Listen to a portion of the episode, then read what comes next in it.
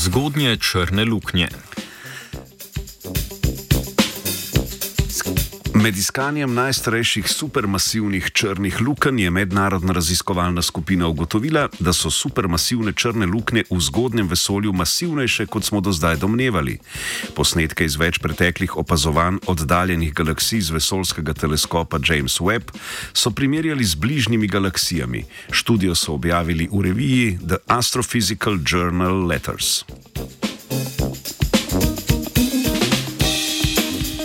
Opazovanje bližnjih galaksij nam omogoča pogled v vesolje zdaj, ne pa pogled v preteklost, torej v čas le nekaj sto milijonov let po velikem poku, ko so bile galaksije še mlade. Z vidika preučevanja razvoja galaksij je to obdobje pomembno, saj galaksije v tem času še nastajajo in se hitro razvijajo. V središču skoraj da vsake galaksije, vsaj tako, tako domnevamo, je supermasivna črna luknja. Vemo, da med maso črne luknje in skupno maso zvest v galaksiji obstaja sorazmerje, čemu pravimo skalirna relacija ali zveza. To sorazmerje lahko razumemo kot sorazmerno rast črne luknje in galaksije.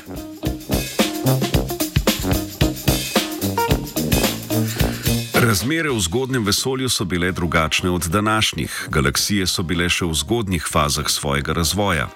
Zaradi širjenja vesolja se je njihova svetloba premaknila v infrardeči del spektra, čemur pravimo rdeči premik, kar otežuje opazovanje.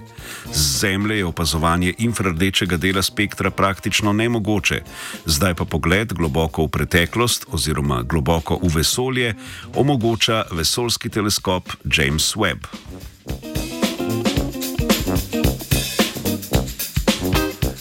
Skupina je obdelovala posnetke spektrov galaksij z aktivnimi galaktičnimi jedri ter streh nedavnih opazovanj teleskopa James Webb. V vsaki opazovani galaksiji so spektroskopsko določili maso njene črne luknje.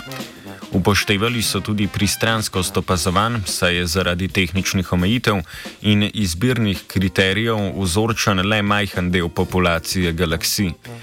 Proučevali so skupino 21 galaksij na rdečem premiku med 4 in 7, torej galaksije, ki so obstajale že v času od 700 milijonov do milijarde let po velikem poku.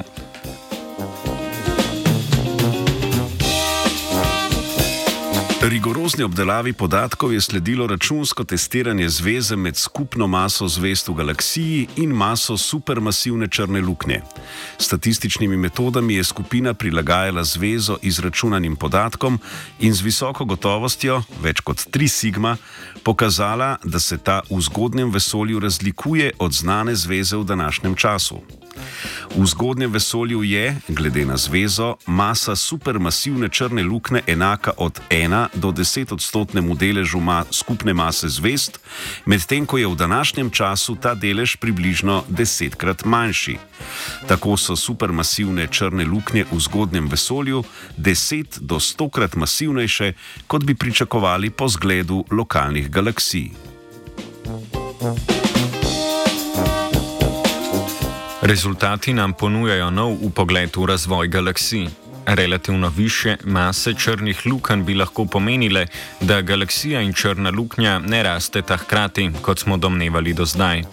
Proces informacije galaksij namreč ni dobro poznan, saj do nedavnega nismo imeli teleskopov, ki bi nam omogočali pogled tako globoko v vesolje oziroma preteklost.